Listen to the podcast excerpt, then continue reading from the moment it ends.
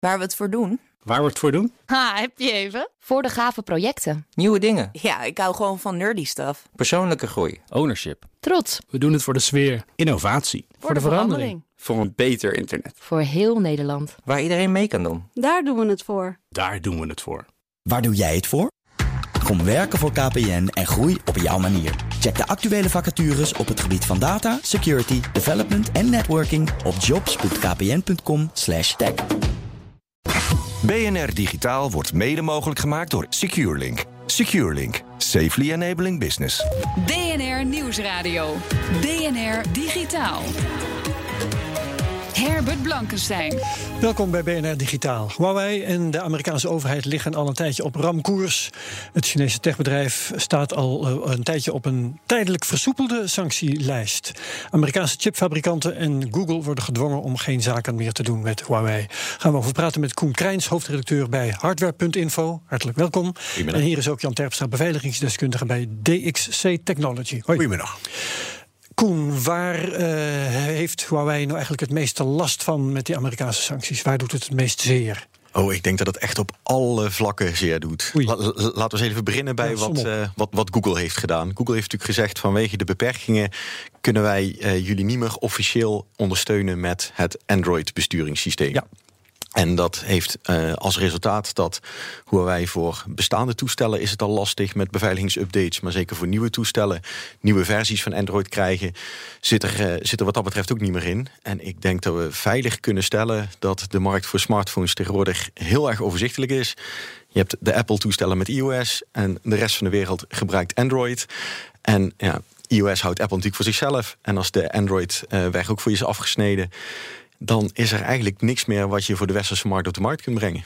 Nee, daar gaan we zo direct vast over uh, uh, uh, op terugkomen. Maar ik wil eerst weten, er is een dochteronderneming van Huawei, die heet Honor, H-O-N-O-R.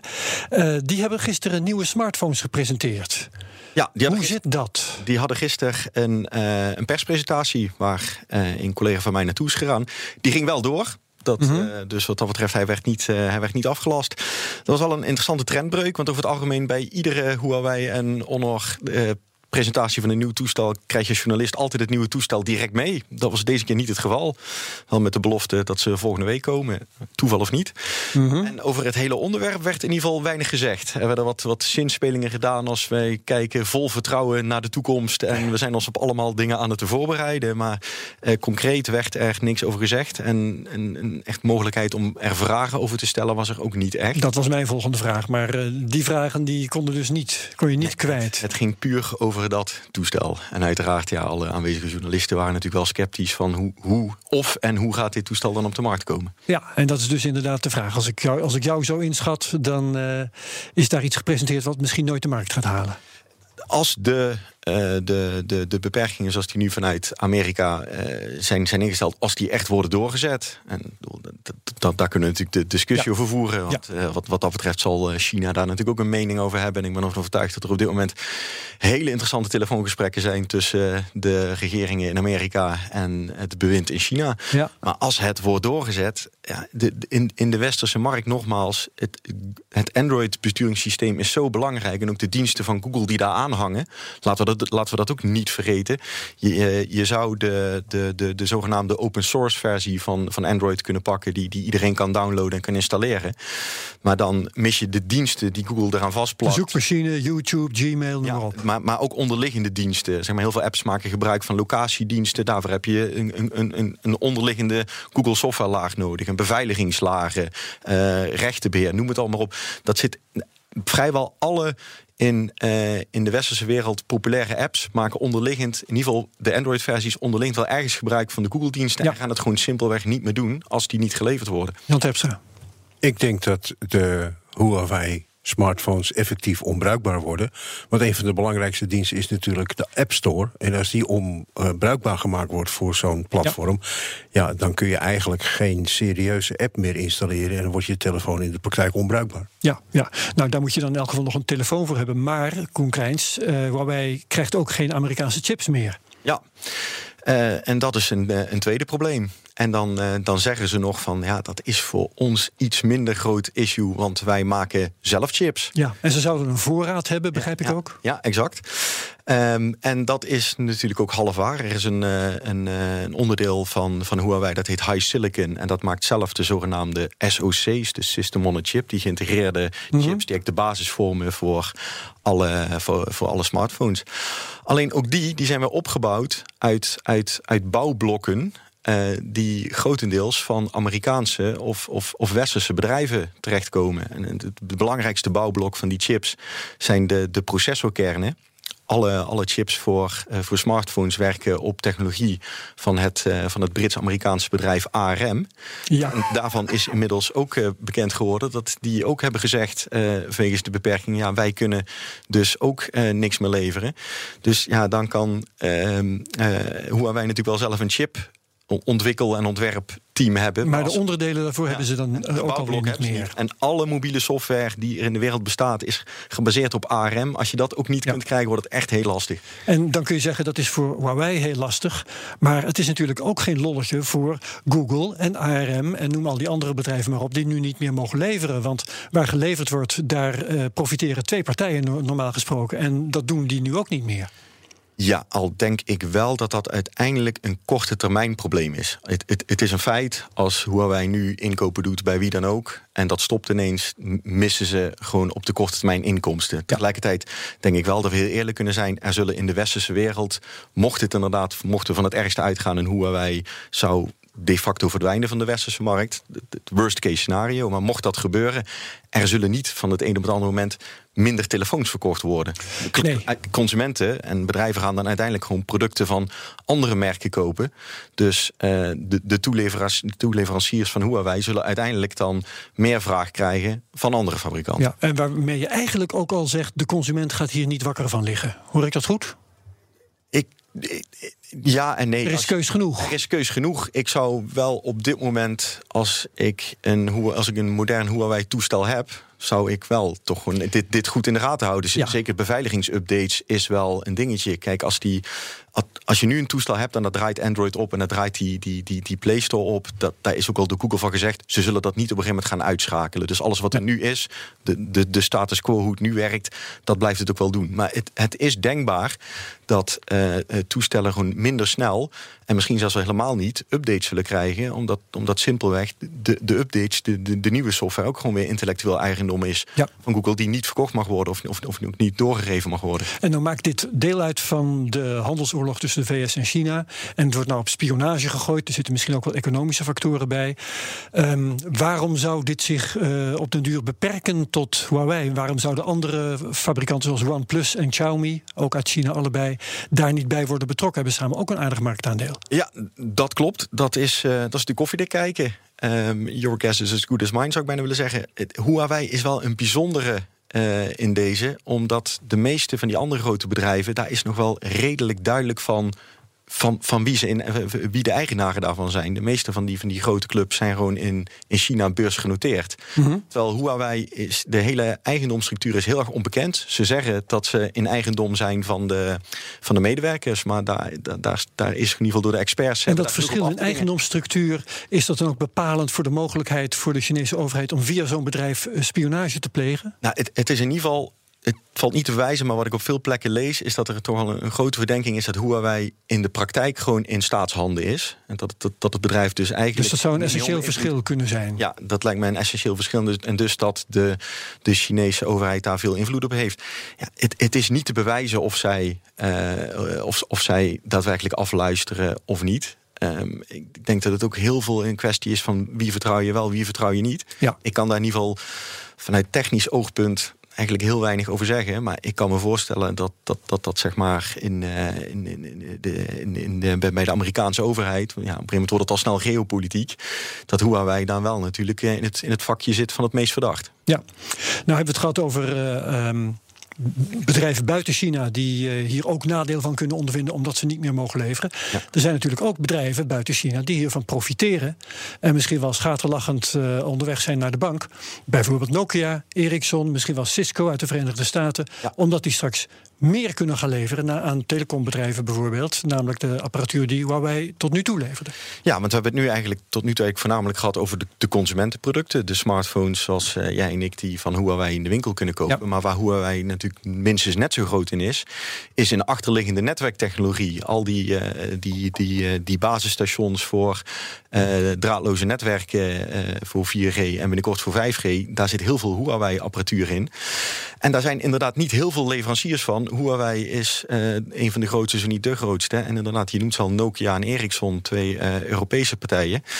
En uh, heel veel telecombedrijven stonden eigenlijk in de startblok om met Huawei in zee te gaan. Al is het maar omdat het toch wel algemeen bekend is dat Huawei een prijsvoordeel heeft. Dat ze die, die producten voor 5G wat goedkoper en in veel gevallen ook um, wat, wat eerder in tijd kunnen, kunnen leveren dan, uh, dan Nokia en Ericsson. Uh, maar ja, als die, als, die, als die weg wordt afgesneden, dan zal men bij, in, in Finland bij Nokia en Ericsson terecht moeten. Heb jij een voorspelling? straks in augustus dan worden die verlichte sancties die komen aan hun eind, worden ze dan verzwaard? Of opgeheven? Ik, uh, ik, ik zet mijn technische pet even op. Dan mm -hmm. moet, ik, moet, moet, ik het echt even doen als, als, als amateur-econoom en als, uh, als, als, als, als amateur-persoon die, die de geopolitiek bekijkt. De amateur Koen Krijns ja. aan het woord, kom maar op. Uh, uiteindelijk denk ik dat Huawei ook voor de Chinese, voor, voor China zo verschrikkelijk belangrijk is. Dus het is een, echt de parel qua techniek dat ze dit niet zomaar over zich heen laten gaan. En ze zullen Amerika dusdanig onder druk zetten met allemaal andere dingen dat ik echt wel denk dat het ergens wel een beetje verzwakt gaat worden. Dan ga je dan weer vragen. Dankjewel, Koen Krijns van Hardware Info. Kent u het nog? ISDN. Het einde van deze technologie is dichterbij dan u denkt. En je hoort het zo in BNR Digitaal. BNR Nieuwsradio. BNR Digitaal. Welkom terug bij BNR Digitaal. Op 1 september dan wordt het het einde van een tijdperk. ISDN gaat stoppen. Integrated Services Digital Network. Wie weet het nog? Het is verouderd en KPN ziet er geen heil meer in. Voor bedrijven die nog ISDN gebruiken, die zijn er waarachtig, is het oppassen geblazen. Mijn gasten hier zijn Jan Terpstra, beveiligingsdeskundige bij DXC Technology en Koen Krijns, hoofdredacteur van Hardware.info. Jan, heb jij nog ISDN thuis? Ik heb toevallig drie weken geleden mijn laatste ISDN-toestel naar de gemeente Reiniging gebracht. uh, met enige pijn in het hart, want ik was een van de eerste gebruikers van ISDN, eind tachtiger jaren.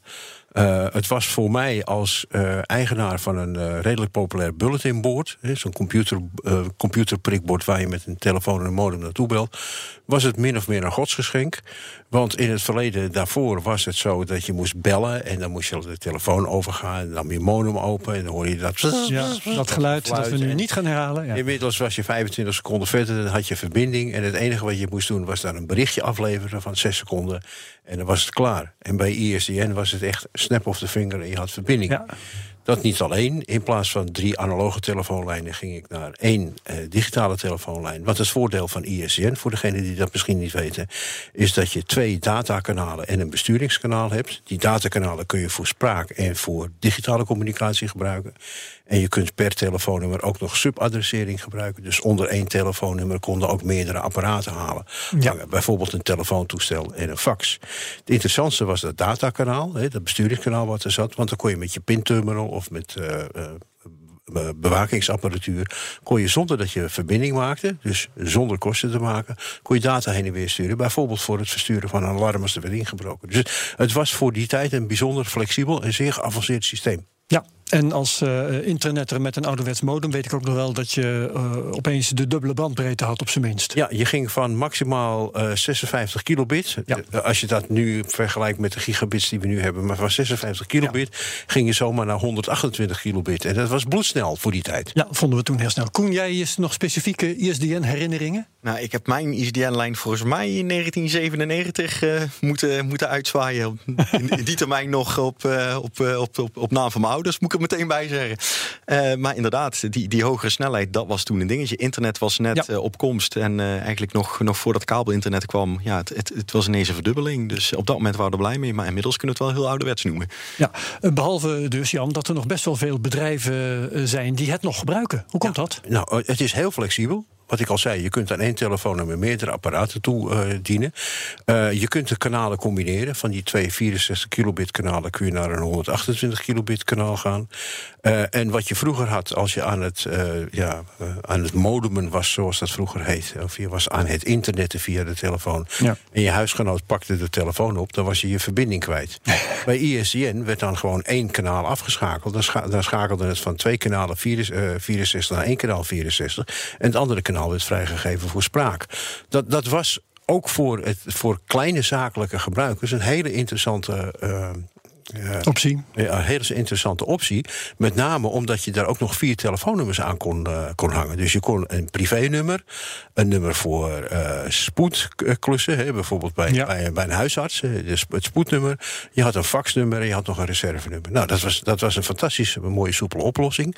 Nu heeft KPN aangekondigd dat ze deze dienst gaan beëindigen. Ik kan me er wel wat bij voorstellen, want het is redelijke oude technologie. Maar er komt niet echt een uh, daadwerkelijk alternatief voor. Men wil graag dat wij met z'n allen naar Voice over IP gaan.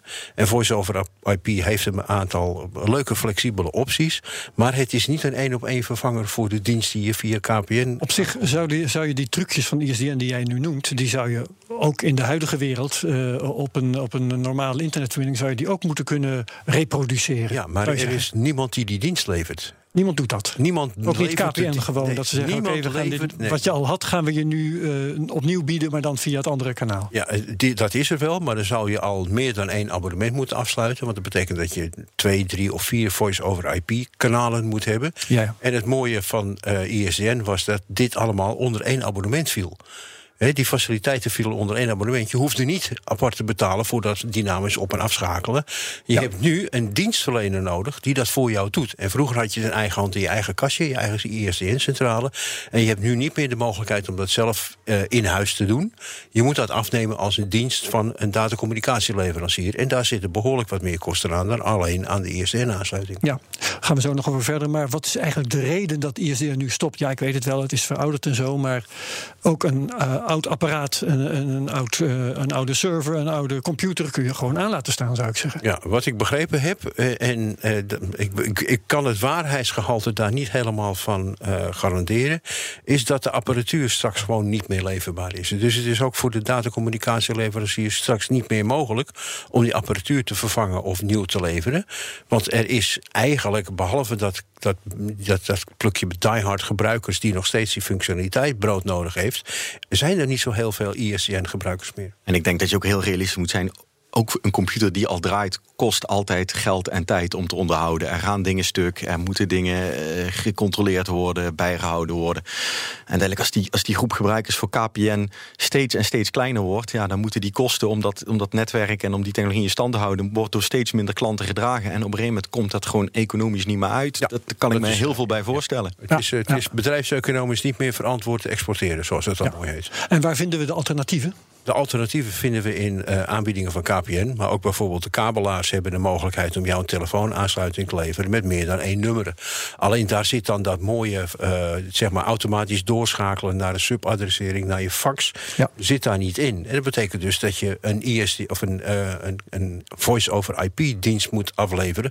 Waar al die dingen in zitten. En het dynamisch doorschakelen moet dan door je datacomleverancier geregeld worden. En sommigen hebben dat gewoon niet in de aanbieding. Ik denk ook, ik heb er geen cijfers bij, geef ik meteen toe. Maar ik denk uiteindelijk dat het issue ook niet zo heel erg zit bij mensen die nog bellen via ISDN. Ik denk dat dat wel aardig is uitgestorven, zou ik bijna willen zeggen. Ja, wat doe je met 06? Ja, exact, maar er zijn, er zijn nog genoeg mensen die gewoon andere apparaten aan een ISDN-lijn hebben hangen. Gewoon met, bedrijven waar een alarmsysteem is en dat soort dingen. Het hangt eraan. En er zal altijd natuurlijk iemand binnen een bedrijf gezegd: zullen we dit eens vervangen door wat nieuws? Waarbij dan een directeur zegt van ja, maar dit werkt toch? Ja. dat, is de, dat is de issue. En uiteindelijk worden dat soort uh, worden bedrijven die nu nog ISDN-producten hebben voor alarm of wat dan ook, nu wel gedwongen om een investering in een nieuw systeem te doen. Ja, en is het dan uh, eenvoudig of moeilijk, vraag ik even aan degene van jullie die zich het meest geroepen voelt, uh, om die systemen over te zetten?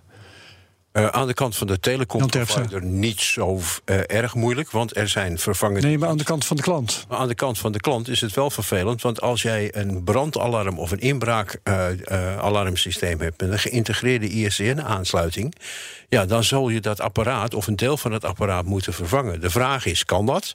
Eh, een deel van het ding vervangen? Eh, kan ik de functionaliteit misschien overzetten naar een voice-over IP-aansluiting? Dat zijn vragen waar heel veel van die bedrijven ja, zich niet eens over buigen, omdat het ontgaat ze. Vaak weten ze niet eens dat ze aan een datakanaal van ISDN hangen voor hun alarmering.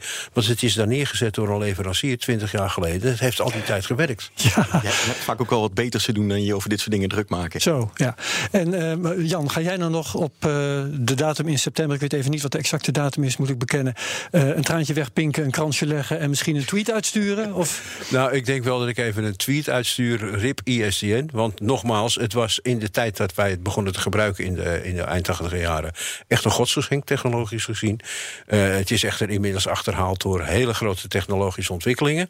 Alleen nogmaals, waar men onvoldoende naar heeft gekeken, is dat heel veel, met name MKB-bedrijven, zwaar afhankelijk zijn van de datacommunicatiefaciliteiten en die niet eenvoudig kunnen overstappen. Ja, en jij, Koen, eh, bezeten door weemoed en verlangen straks. Het is trouwens 1 september tussen twee haakjes. Ja, nee, dat valt wel mee. Nee, okay. Als ik al een tweet ga doen, wordt het een hele langzame, denk ik. Welgemoed, een nieuwe tijd tegemoet. Oké, hartelijk dank Jan Terpstra, beveiligingsdeskundige bij DXC Technology... en Koen Krijns, hoofddirecteur van hardware.info. Tot zover BNR Digitaal. Laat weten wat je van BNR Digitaal vindt. E-mail aan digitaal.bnr.nl.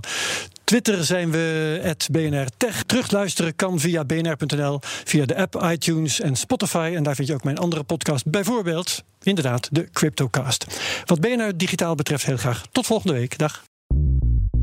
Bij BNR ben je altijd als eerste op de hoogte van het laatste nieuws. Luister dagelijks live via internet. Bas van Werven. En heel langzaam komt de zon op rond dit tijdstip. Je krijgt inzicht in de dag die komt op BNR, het Binnenhof in Nederland en de rest van de wereld. De Ochtendspits. Voor de beste start van je werkdag. Blijf scherp en mis niets.